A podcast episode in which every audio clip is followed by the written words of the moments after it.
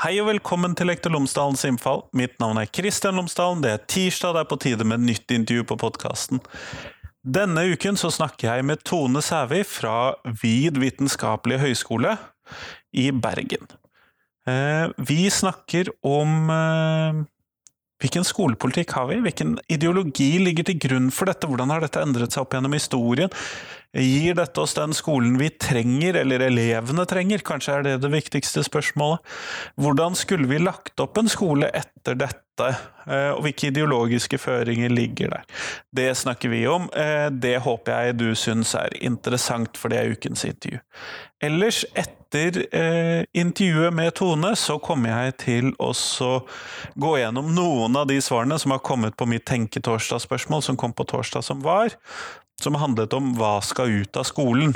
Eh, og det satte fyr på noen kommentarfelt. Men i hvert fall, her kommer intervjuet med Tone, og etter intervjuet så får du hva skal ut av skolen. Men i hvert fall, vær så god.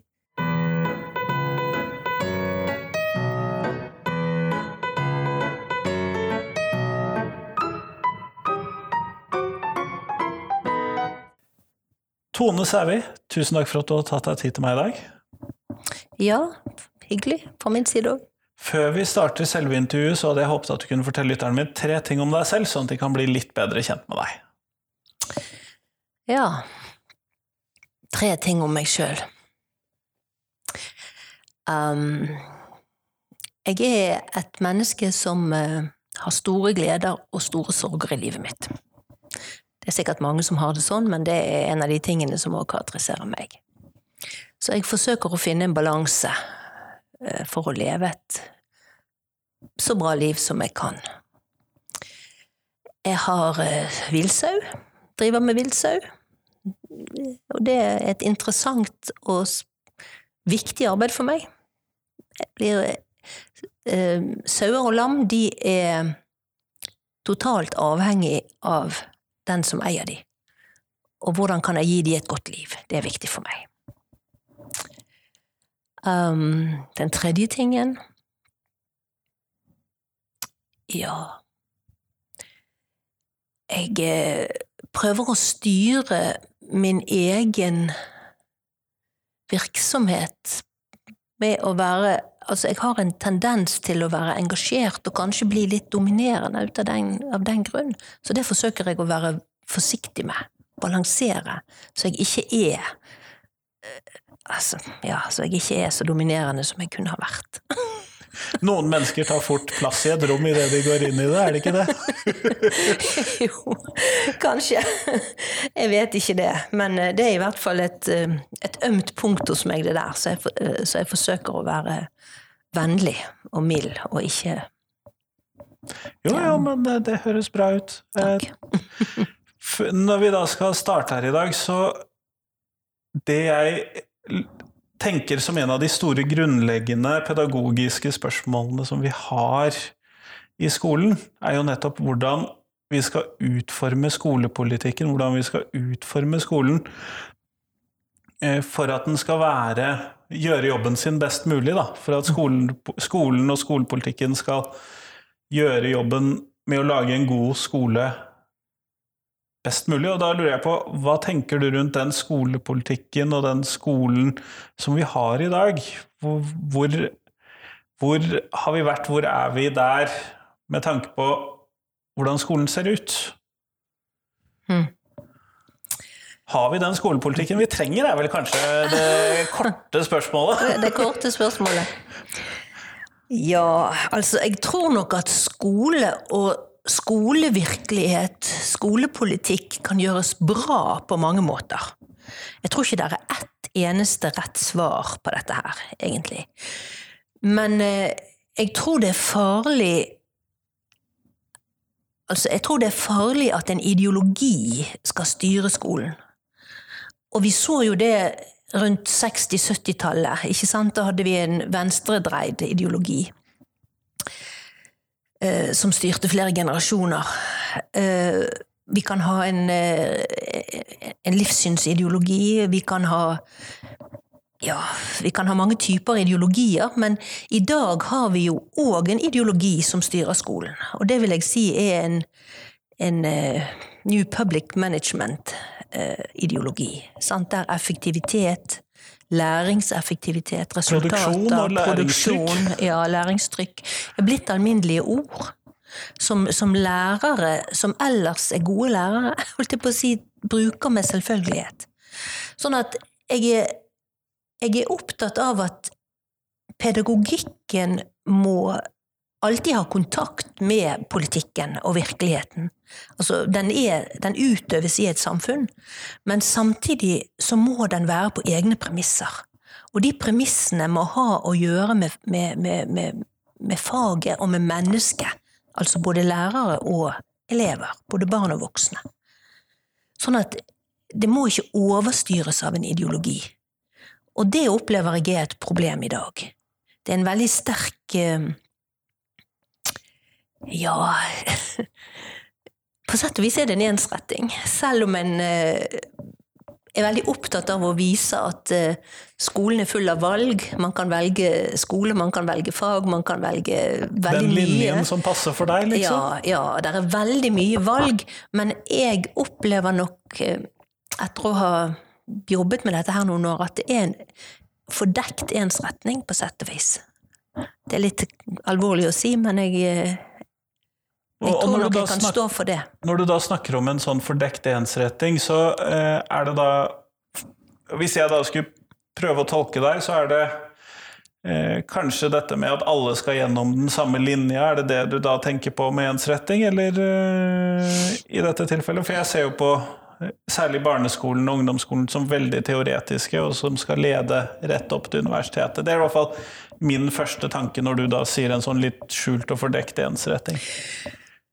Ja, ehm, jeg tenker vel kanskje ikke først og fremst Altså, det at skolen er abstrakt, og at målet ligger utenfor her og nå, utenfor mennesket, det, det må på sett og vis være en del av skolen, men det er et, en altfor sterk del i dag. Det er jeg enig med deg i. Det er en altfor sterk del i dag. Og det gjør jo at mange barn og unge opplever skolen som irrelevant for deres liv. Eh, de, de, sliter med psykiske ting, de sliter med meningsløshet og sånne ting. Men det jeg tenker først og fremst på, er kanskje at skolen er et ledd i vår kultur, vårt land sin konkurranse med andre. Det er et ledd, altså Barn og unge i skolen, lærere òg, de blir brukt som middel for at vi skal bli best mulig i en konkurranse. Med alle de andre? Med alle de andre vestlige landene, ikke sant? som det går på bruttonasjonalprodukt. Altså det går på den type effektivitetsøkonomiske spørsmål. Og når noen blir brukt som et middel for noe annet, så har vi et problem. Det er jo nettopp det som er ideologiens problem. ikke sant? At de bruker noe for sitt eget middel. Og dermed så kan du si at vel, i praksis så har jo pedagogisk virksomhet alltid sideeffekter, og de behøver ikke være negative, de kan være veldig gode. Altså Mange barn trives på skolen, mange barn har venner, de lærer meningsfulle og spennende ting. De leser og drives av et engasjement. Og så er det selvfølgelig mange som ikke gjør det. Kanskje vel så mange. Men, men poenget er at tanken bak pedagogisk virksomhet er at vi skal få lønnsomme arbeidstakere. Vi skal få folk som kan fylle altså hvis, hvis, hvis, meningen med pedagogisk virksomhet bare blir å fylle en jobb, så mener jeg det er for svakt.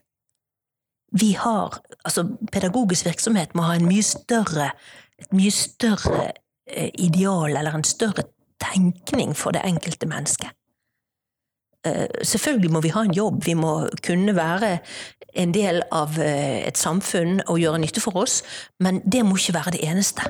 Vi må faktisk ha rom for at barn og unge òg kan eh, selvfølgelig både tenke annerledes, jobbe annerledes, være annerledes, bli annerledes, ønske noe annet. Det er jo det som driver oss framover, ikke sant? Vi må ikke ha en, en, en ferdig oppskrift på hva et vellykket menneske er. Og det opplever jeg skolen i dag som eh, Det er et problem knytta til det. Det er litt for eh, ferdiglaget, på en måte. Du, barna skal passe inn. I denne formen, denne A4-boksen, eller hva vi skal kalle det. Ja, i noens tanker om hva som er bra. Det er, det er litt for Det, det er for lite eh, åpenhet mot menneskelig variasjon. Um, altså bare det at uh, for eksempel um, Jeg ser jo uh, Forskning viser Der er, der er mm, mye forskning Altså fra, fra 2000 når Bologna, eller 19, eh, 1999 når Bologna-virksomheten startet, ikke sant? og vi begynte å innrette oss etter disse eh, ECT- og, og, og OECD-reglene, så hadde vi så har det gått, gått, gått langsomt. I begynnelsen var det veldig langsomt, men så ser vi at fra 2007 til eh, 2010 ca., så øker publikasjonene som, som, som støtter dette Bologna-systemet, OECD-systemet, New Public Management-systemet, ikke sant? Eh, Først utover på Etter 2010 så begynner det å komme noen motstemmer. Fordi det, tar tid før man skjønner hva som egentlig har skjedd, og hva som egentlig er tenkt, og at dette er ganske forskjellig fra det vi egentlig hadde i ryggraden fra før. Selv om Norge har alltid vært påvirket av både Europa og Nord-Amerika. Altså vi har alltid hatt en, en todelt måte å tenke pedagogikk på. Vi har vært påvirket av Dewey, veldig sterkt, sant? reformpedagogikken og alt dette her, men vi har òg vært påvirket fra tan av tankegodset, særlig fra Tyskland og Nederland, kanskje, men sentrale Sentral-Europa. Men det vi har hatt i ryggraden, er jo dette demokratiske, altså at barn er verdifulle i seg sjøl, uavhengig av hva de kan og ikke kan, og hvem de er, og hvordan de ser ut, og hva de gjør, alt dette her.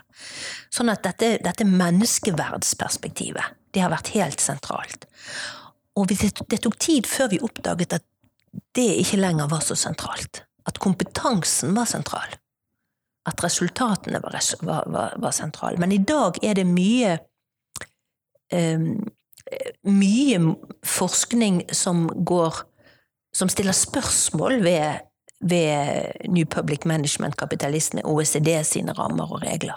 Det er mange innenfor alle felt, innenfor barnehagefelt, skolefelt, videregående, UH-pedagogikk, altså? Som, som, som, som ser problemene med dette her for nettopp menneskeverdet, for demokratiet, for det òg å, å tenke hva gjør vi med de andre? Altså de som, de, de som ikke er så flinke, de som ikke klarer seg. Hva gjør vi med verden? Hva gjør vi med klimaet? Hva gjør vi med Antarktis og Arktis? Hva gjør vi med regnskogen? Hvordan Altså, poenget er på en måte at, at alle disse spørsmålene her, de blir på sett og vis problematiske hvis alt skal dreie seg om min kompetanse. Og min fulfillment of myself. Sant? Og din bidrag til veksten i det totale samfunnet. Ja, sant. Altså, da, da har du, når vi lærer barna det gjennom vår måte å drive skole på, og samtidig sier at de skal være opptatt av miljø og klima, så skaper vi jo kollisjoner. Altså, for hvis du skal være opptatt av deg sjøl på en måte som setter deg i sammenheng med verden og andre, så må du være opptatt av deg sjøl på en annen måte enn denne individualistiske måten. Da må du se deg sjøl som en del av en større verden. Sant? Ikke bare som meg og mitt og min identitet og min, mitt, eh, min psykiske helse og hva det nå måtte være. Så her er, her er noen, og her er paradokser som vi må leve med. Sant? Det kan ikke være, hvis det er for enkelt, så har vi på en måte ikke truffet det reelle menneskelivet. For i virkeligheten så opplever vi jo at, eh, at livet er ikke Livet er komplekst, mangfoldig, uten enkle svar. Kanskje ikke svar i det hele tatt. Og hvordan kan vi møte barn på den måten? Sant? Uten at det skal bli Ja, altså uten at de skal bli kaotiske og forvirret. Vi må, vi må jo være voksne sammen med dem, men, eh, men det er ikke alt vi voksne har svar på. Langt ifra. Mindre og mindre, kanskje, egentlig. Men når vi da har For det jeg hører her, er jo da en instrumentaliser... Skolen er, eh, driver med en instrumentalistisk eh, undervisningsform, eller politikken er ganske instrumentalistisk, og vi skal nå et mål, og vi skal få disse elevene ut dit, og dette er kanskje ikke riktig for eh, veldig mange av elevene. Men ville vi kunne legge opp en skole som i større grad ivaretar denne litt helhetsfølelsen, denne delen hvor elevene i større grad skal se seg selv som en del av et større fellesskap. Ville vi kunne klare å få til det? Uh, ja, altså Problemet er vel at vi kan, ikke, vi kan ikke klare å få til alt for alle. Uh, vi må på en eller annen måte tenke hvilke strukturer skal vi ha i vår kultur som gjør at barn og unge på forskjellige måter kan ta inn over seg og omforme Altså en, en, en, en form for Altså, jeg tror det, jeg tror det, er, det er, flere ting. Det, det, det, er, det er en eller annen det er noe med at vi må se det enkelte barn. Vi må faktisk forholde oss til det enkelte barn og deres måte å oppleve verden på. Og da handler det ikke bare om krav og hva de skal ha og hva de mangler og hva de må ha for å oppnå ditt og datt, men da handler det om reelle, grunnleggende krav. Altså, barn har ikke vondt av å ikke få ja på alt de ber om, men de har vondt av å ikke bli sett, for eksempel, reelt. Det er problematisk. Eh, så en eller annen form for tid, rom, raushet i skolen for variasjoner er nødvendig for at barn skal ivaretas. Og da tenker jeg både på de veldig sterke, de svake, og de som er omtrent midt på treet, som sikkert er de fleste. Altså, hvordan kan vi som voksne altså Jeg tenker jo at oppdragelse av barn, eller undervisning av barn, det er ikke det samme. Det betyr ikke akkurat det samme oppdragelse, det er noe mer omfattende. Men det handler først og fremst om oppdragelse og undervisning av deg sjøl som voksen, ikke barna. De, de de lærer av deg. De ser hvem du er, eller hvordan atmosfæren og måten å drive skole på faktisk gjøres, mer enn de ser på det de Altså, de trenger kunnskap, men måten dette formidles på, det er jo avgjørende. Levinas sier faktisk at du kan ikke lære egentlig av en du ikke er glad i. Nei, og da kan det jo bli vanskelig med veldig store klasser eller veldig store grupper eller store utbyttinger av lærere eller Ja, ja, ja altså da, kan, da, da, handler det faktisk om at man må, man må forholde seg til enkeltpersoner. Må, man må som voksen være det betyr ikke at man skal være hos alle til enhver tid hele tiden, men det betyr at man må ha en måte å være på som gjør at, at eh, det gir troverdighet. Altså, jeg vet ikke, jeg har aldri møtt Nelson Mandela, men han har betydd veldig mye for meg som menneske, fordi han er som han er. Og jeg tenker det er på en måte fordi han har tilgitt så mye, fordi han har lidd så mye, og likevel Fremstår så positiv? Ja, klarer å leve. Altså, han har jo sine ting, det har vel alle mennesker, men, men poenget er at jeg tror at voksne og lærere faktisk skulle vi skulle jobbe mer med å, å, være mennesker sammen med barn. Være ordentlige mennesker. Enn å, enn å lære de så veldig mye. Altså, det, ser du poenget? Jeg tror jeg altså, det, ser hvor det, du er. Ene, det ene utelukker jo ikke det andre. Det gjøres jo i sammenhengen. Altså, når vi, når vi, underviser barn eller oppdrar barn, så er vi på forskjellige måter med dem. Og de de møter de, de, de lærer ut fra den måten vi er på, ikke bare alt det vi sier. Sånn at dette er på sett og vis gammel visdom, men jeg tenker de grunnleggende spørsmålene, de har vi ikke så De kan vi ikke undervise. Altså, de må vi være på en helt annen måte. Så hvordan kan vi skape en skole der, der, der det får et rom?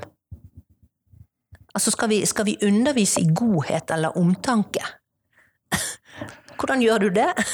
Tre læremål og prøve på slutten av uken. ja, sant?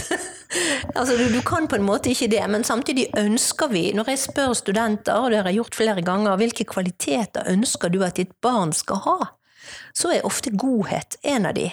Det kan være selvstendighet, det kan være rettferdighetssans, eller altså det kan være mange sånne De kan komme med mange forskjellige begreper. Og når jeg da spør ja, men hvordan underviser vi i det, da?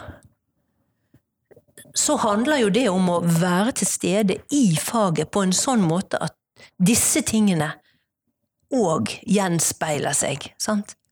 Underviser du i historie? Hvordan, hvordan tenker du om rettferdighet? Hvis det skjer i klassen at to elever møtes, er uenige, én blir mobbet, hva som helst. Altså, det kan gjøres på sarkastiske, ironiske måter, i hvert fall i litt større, blant litt større elever. Hvordan møter en det som voksen uten å bare slå ned på det? Altså, hva gjør en? Nei, og det er jo egentlig det store sånn hvordan reagere når elevene kommer med nedsettende uttrykk, ja. enten mot andre eller ja. mot noen som ikke er til stede? Ja, ja, ja. ja. ja altså det, det, er jo det som er det er jo det som er pedagogikk i praksis, hvordan en faktisk møter det. Og ikke bare hopper over disse øyeblikkene og tenker at ja, ja, det, jeg, jeg går, vi, vi, fortsetter, eller dette betyr sikkert ikke så mye. For, for jeg tror det er sånne øyeblikk som er formative for veldig mange barn. Eh, altså se hvordan voksne faktisk møter sånne spørsmål. Samtidig så står jo lærerne i en hverdag, eh, og du har jo nevnt disse OECD osv., men vi har jo da selvfølgelig fra 100 til 3000 læreplanmål, litt avhengig av hvilken kommune man bor i. Ja. Ja. det er PISA-tester og TIMS-tester og nasjonale ja. prøver og forskjellige måter å måle disse skolene opp mot hverandre på. Og skolebidragsindikatorer. Det, jeg trenger å ta litt sats for å si ordet. Og det høres jo ikke så lett ut å gå for en litt mer sånn, hva skal vi kalle det, dannelsesundervisning eller dannelsesskole når man samtidig står oppi alle disse testene og alle disse eksterne kriteriene, da? Nei, jeg, jeg tror faktisk at eksterne kriterier må reduseres. Jeg, jeg, jeg har Altså, evaluering, karakterer, er ikke ubetinget negativt og problematisk, men omfanget av det i dag eh, har jo vist altså Det har jo vist seg at det tar fokuset vekk fra andre eh, og kanskje vel så viktige spørsmål. Altså to teach for the test, sant? det er jo det som opptar veldig mange lærere. Fordi at de blir målt på det, og elevene blir målt på det. Sant? Og skolen blir målt på det. Sånn at der er Det må nok en, en snuoperasjon til Samtidig, det må jeg si også, så ser jeg jo når jeg har intervjuet lærere rundt omkring i forbindelse med forskningsprosjekt, og jeg har studenter som har gjort det samme, så finnes det uendelig mange dyktige lærere. Uendelig mange flotte lærere som ser barna, og som forsøker å balansere dette her. Sånn at det er nok en vanskelig arbeidssituasjon for lærerne, for de er jo nærmest problemet. Ikke sant? De skal kunne klare alt mulig. Altså, man må ha en syndebukk, og ofte er den lærerne, hvis ikke det er eh, elevene. Sant? Det er veldig sjelden systemet som er syndebukken. Så kanskje man må forandre perspektiv og si at vel, kanskje det er noe med systemet som er problematisk. Altså, jeg syns for eksempel nå når man skal ha et stort fokus på livsmestring, så er jo ikke det i og for seg negativt, men hva er det som gjør at man trenger et sånt fag med det omfanget som det nå skal få? Hva er det som gjør at vi alle disse psykiske problemene, stressproblemene ja, osv. Ja, som elevene opplever? Ja, press og altså Det er klart det er viktig å vite noe om det. Det er viktig å finne strategier og måter å leve på. Det er absolutt eh, positivt eh, for oss. Men vi bør jo òg spørre hva er det som gjør at, at elevene føler seg så presset, at de har psykiske At de er deprimert, at de sliter, at de ikke ser mening med livet sitt. Altså, det er ikke bare et psykologisk problem, jeg tror det er et eksistensielt problem. Eh, og at vi må, vi må gå grundigere til verks og stille disse spørsmålene. Og da må vi kanskje skippe ut noen av disse effektivitets- og resultatmålene som vi har. Ja, for de skal jo lære veldig mye, disse barna, og de skal lykkes på alle testene. Og... Ja, og ennå så viser det seg at eh, barn, mange barn kan mye mindre enn det du forventer. Og hva er det som skjer?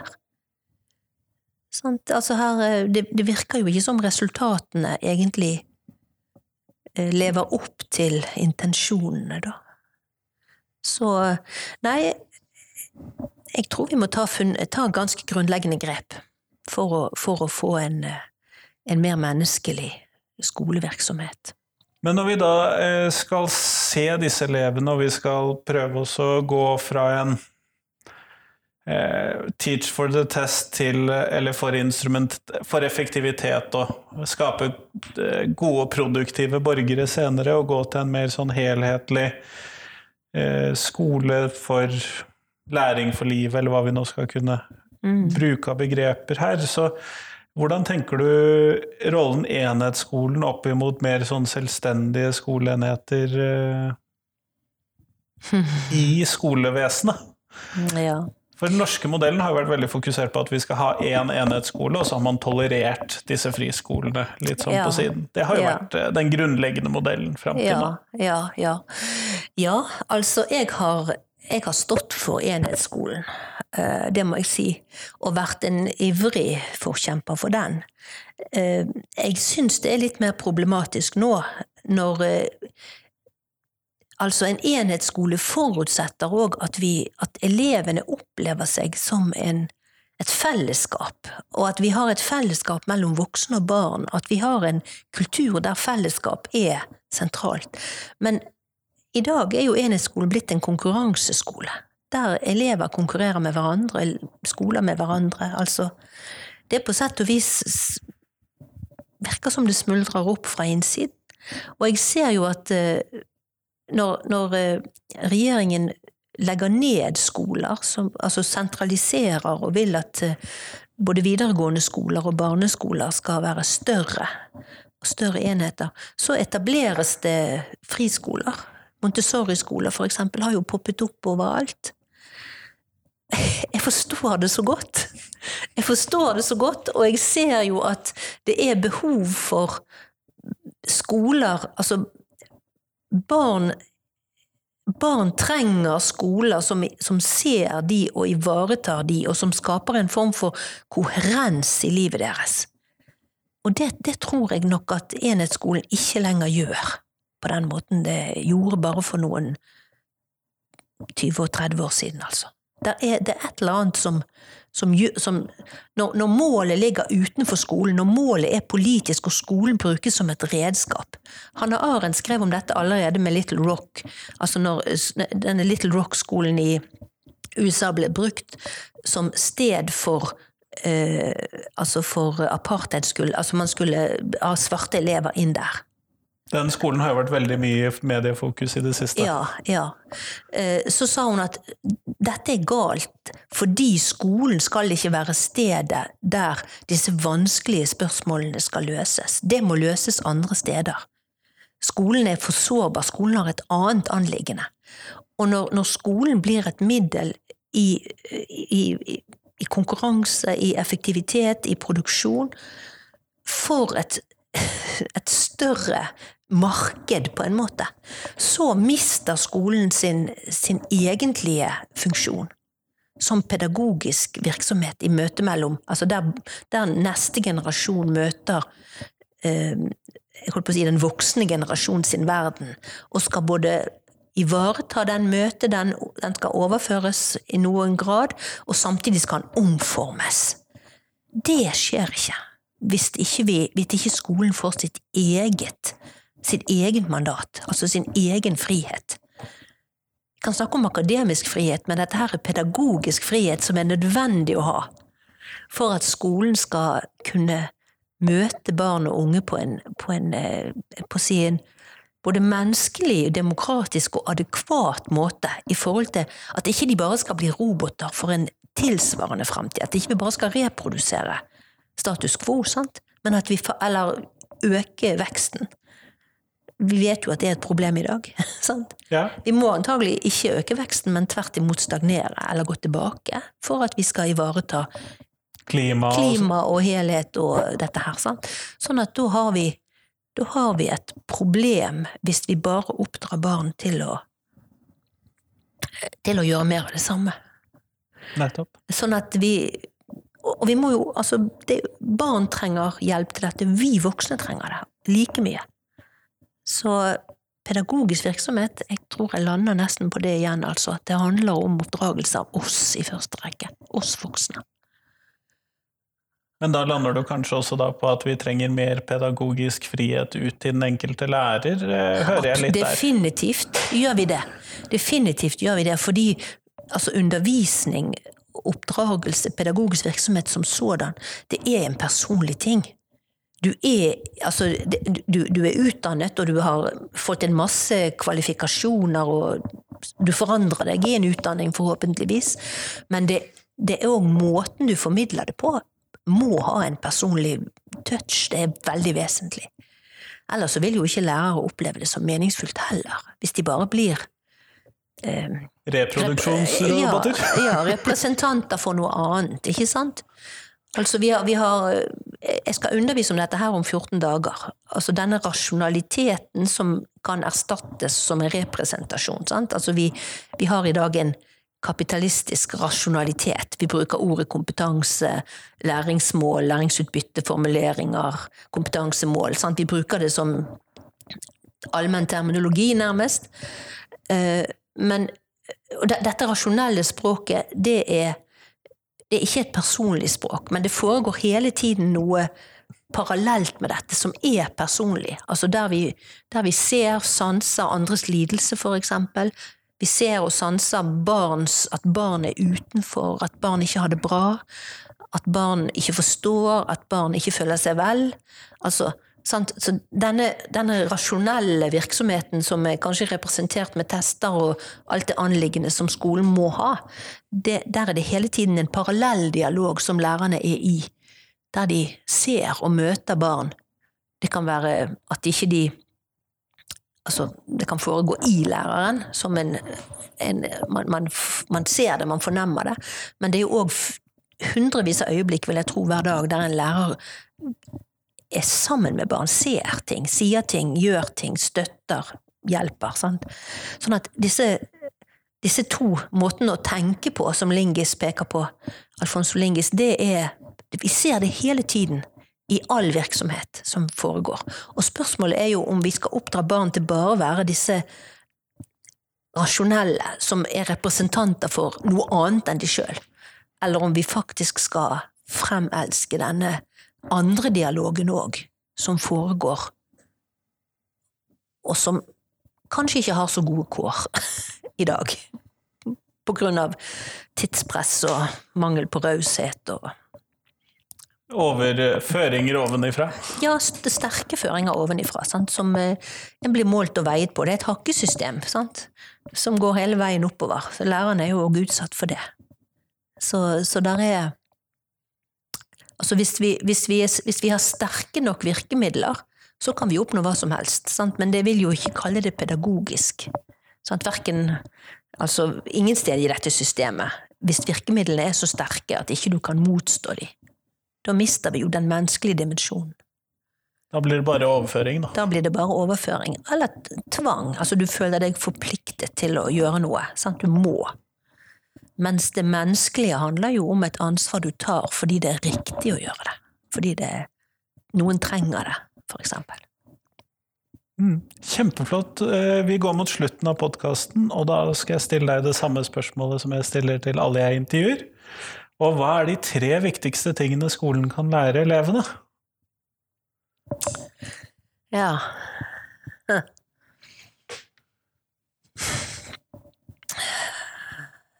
Jeg hm, Jeg tror ikke jeg kan svare helt konsekvent på det, fordi det er hm, Altså Viktige spørsmål i livet henger sammen, så det er vanskelig å lære de én ting uten å lære de noe annet. Men jeg tror som sagt at at voksne som arbeider, eller som på en måte forholder seg til eh, vesentlige spørsmål i sitt eget liv, det får betydning for barna òg.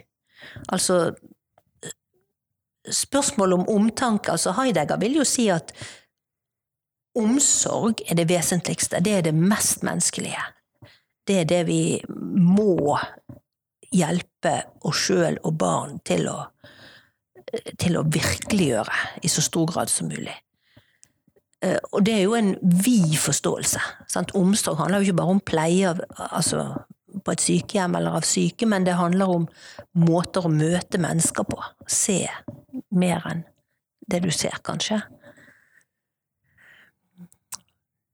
Ja, raushet tror jeg er veldig vesentlig raushet for altså, tilgivelse. Altså, det, det, å kunne, det, å, kunne, tåle å leve under forhold som er krevende, vanskelige. Men òg raushet som handler om at du tåler at mennesker gjør feil.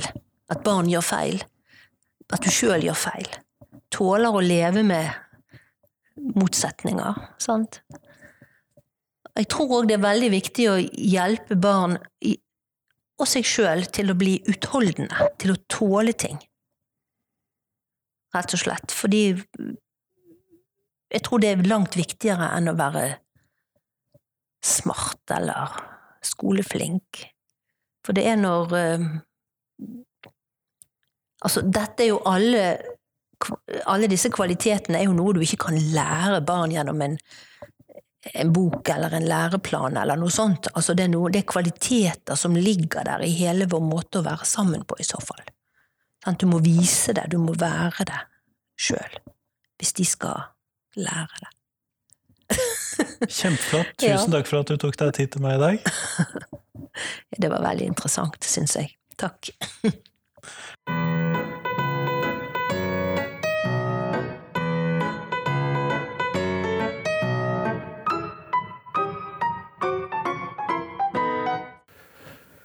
Tusen takk til Tone, og tusen takk til deg som hørte på. Nå er det én uke igjen til eh, neste podkastintervju. Med mindre jeg selvfølgelig løper inn i en ny koronaspesial, det kan jo hende, men i utgangspunktet skal det ikke være det. Neste uke så kommer Geir Isaksen fra Forsvarets høgskole på podkasten, og vi snakker om digital undervisning og hvordan det praktiseres i Forsvaret. Og hvilke gevinster de har sett, og hvordan de har lagt opp, og hva de tenker på når de legger opp til digital undervisning. Det tenker jeg kan være særlig interessant for mange av oss som nå står i enten en hybridskole, eller at vi står i fare for nye nedstengninger. Sånn at det tror jeg blir interessant. Ellers så lovet jeg jo at uh, vi nå skulle se på noen av de tingene som har kommet inn med tanke på Tenketorsdag-posten min, som kom på torsdag den 17. september, og da spurte jeg hva skal ut av skolen? Og noen av kommentarfeltene har uh, tatt litt fyr. Så det kan være interessant å gå inn og se på egen hånd, fordi jeg kommer ikke til å lese opp alt der. Bli gjerne med i debatten også, men først skal jeg ta noen av de roligere kommentarfeltene. Inne på Facebook-gruppen Skolefolk så kom det tre svar. Eileen Kristin Sundelin skrev det at vi trenger religionshistorie, men ikke bibelkunnskap. Religion eller ikke-religion er en privatsak, alle bør kunne de viktigste tingene i alle religioner og deres hovedbudskap. Elisabeth Eggum skriver, og jeg siterer, skolen er dannelse og utvikling, skolen er blitt et miniuniversitet der fokuset er å utvikle den ene hjernehalvdelen. Barn trenger å få stimulere hele seg for å vokse og trives. Vi flommer over av kunnskap om hva barn trenger, mens byråkrater og skolepolitikere stamper i gammelt tankesett, og barna ofres. Sitat slutt. Jens Fredrik Nakken skriver derimot blokkfløyte må ut av skolen. Det ser ut som det er gjort med en viss humor, siden det er en geipesmiley etterpå, men like fullt jeg mistenker at det er en kjerne av seriøsitet der. Inne på um, livet bak fasaden i Oslo-skolen så sier Eilef Groven Myhren at UDE, altså Utdanningsetaten i Oslo, ut av skolen, mens øh, det også kommer en spøk om at elevene må ut av skolen for de forstyrrer mye av undervisningen og lager mye styr generelt sett. Jeg oppfattet det som en Spøk, men definitivt. Eh, det har vært en del som jeg er litt usikker på om sier på spøk eller for å gjøre narr av spørsmålet mitt, eller fordi de misforstår spørsmålet mitt, som har skrevet at vi skal ha gode og flinke og veltilpassede og lykkelige og trygge elever ut av skolen. Og da antar jeg jo selvfølgelig at de mener at vi skal ha de i den tilstanden når de går ut av 10. klasse eller tredje videregående. Og det ønsker jo jeg også, selvfølgelig. Men når jeg stiller spørsmål om hva skal ut av skolen, så var det ikke helt det som jeg tenkte på. Eh, da tenkte jeg hva vi skulle ta ut av skolen som vi ikke skulle belemre elevene med.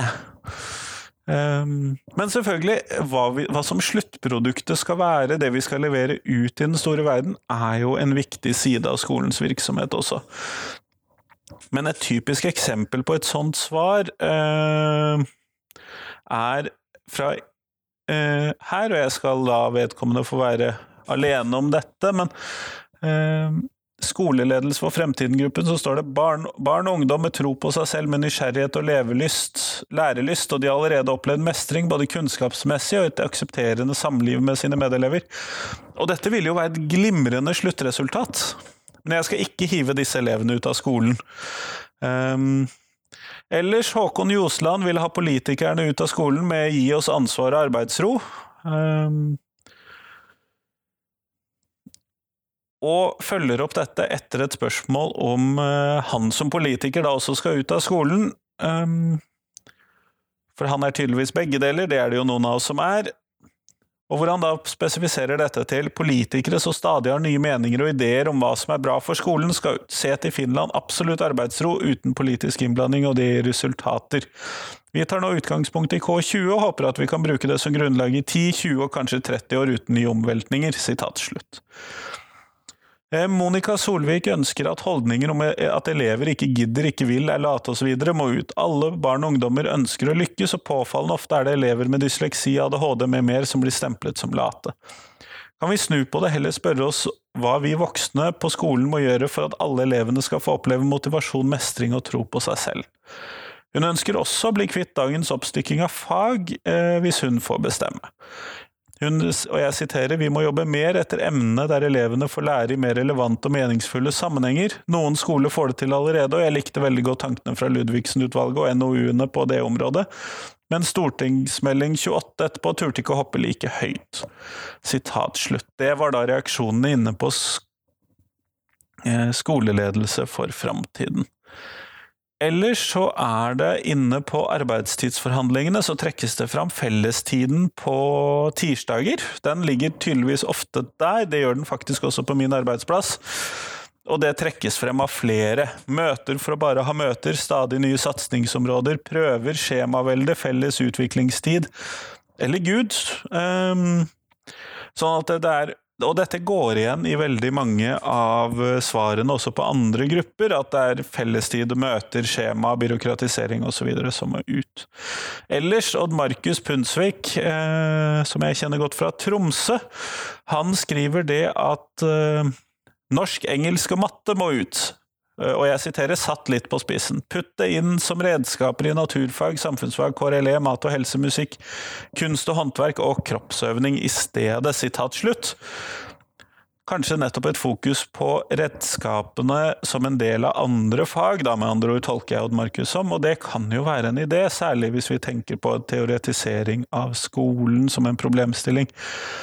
Ellers, min gode Og dette er en av gruppene hvor det har kokt litt over. Hvis man går inn på koronadugnad for digitale lærere, så er det kommet 151 kommentarer i skrivende stund. Eh, noe som jeg syns er utrolig gøy. Og William Hocking, eh, min gode kollega, sier at karakteren 6 må ut. Eh,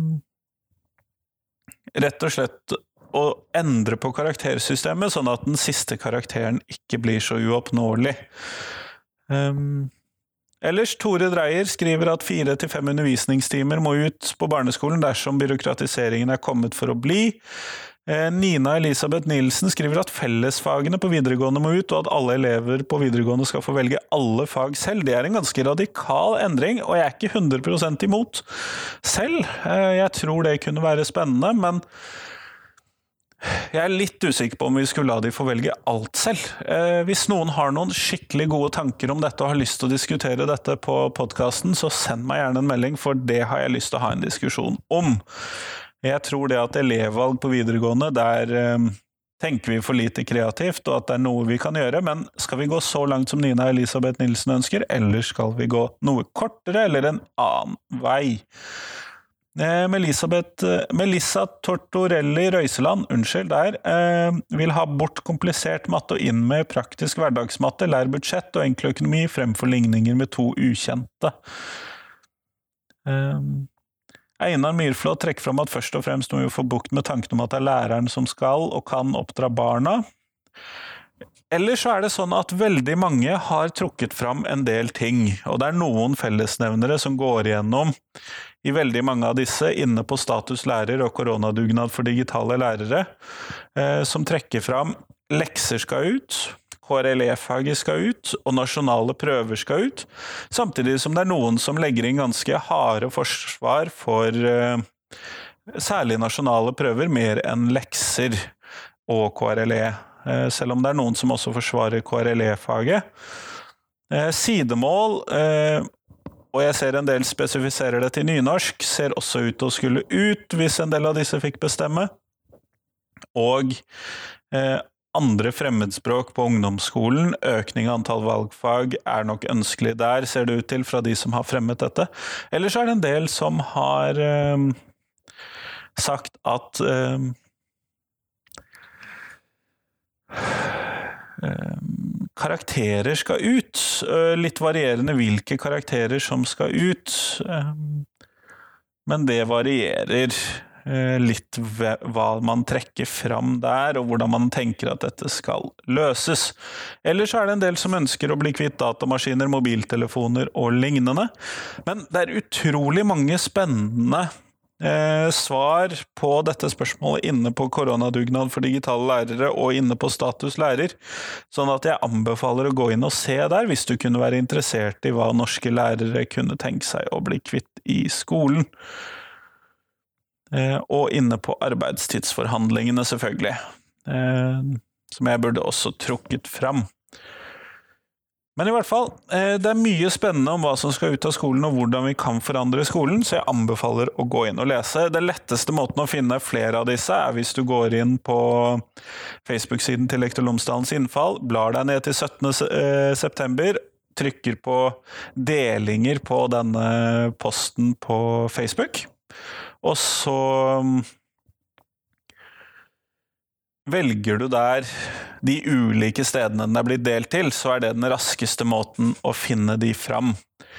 Ellers, inne på Facebook-siden, så er det noen som også har svart der, og da har Melinda Estelita sagt én lekser, to utdaterte holdninger om eh, atferd hos elever, all sitting på stoler ved pult og fagtungt første skoleår.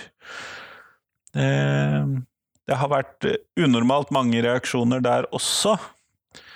Uh, Maiken Ingemann Hedehøy skriver lekser, top down eh, kateterundervisning, stillesittende læring, tester og maler. Eh, det første skoleåret skal ikke være lærer, læring, men mer et sånt fri førskoleår. Og at femteklassinger ikke skal starte på skolen. Og hun skriver det at, at barn skal starte i det kalenderåret de fyller seks år, er et foreldet og firkantet syn på barn og utvikling. Kanskje innføre fleksibilitet for inkludering til skolestart fra sommeren før et nytt skoleår. Eh, vurdering om barn født fra mai til august skal starte i august eller vente et år. Slik det er nå med alle barn født i et kalenderår starter i august, desemberbarn på fem år og syv måneder, da får veldig mange desember- og novemberbarn diagnoser knyttet til konsentrasjonsvansker, uten tanke på at de er opptil ett år yngre enn de eldste barna i klassen og årgangen. Eh, Gunnar Østgaard er som vanlig sitt radikale selv på dette området, og det er jeg glad for. Eh, han skriver 'alt skal ut', ellers er det mange som skriver lekser også her. Det er rett og slett utrolig mange spennende tanker, så gå inn og se. Det blir jeg glad for. Men i hvert fall, fram til neste uke når vi får Geir Isaksen, ha en fin uke. Hei, hei.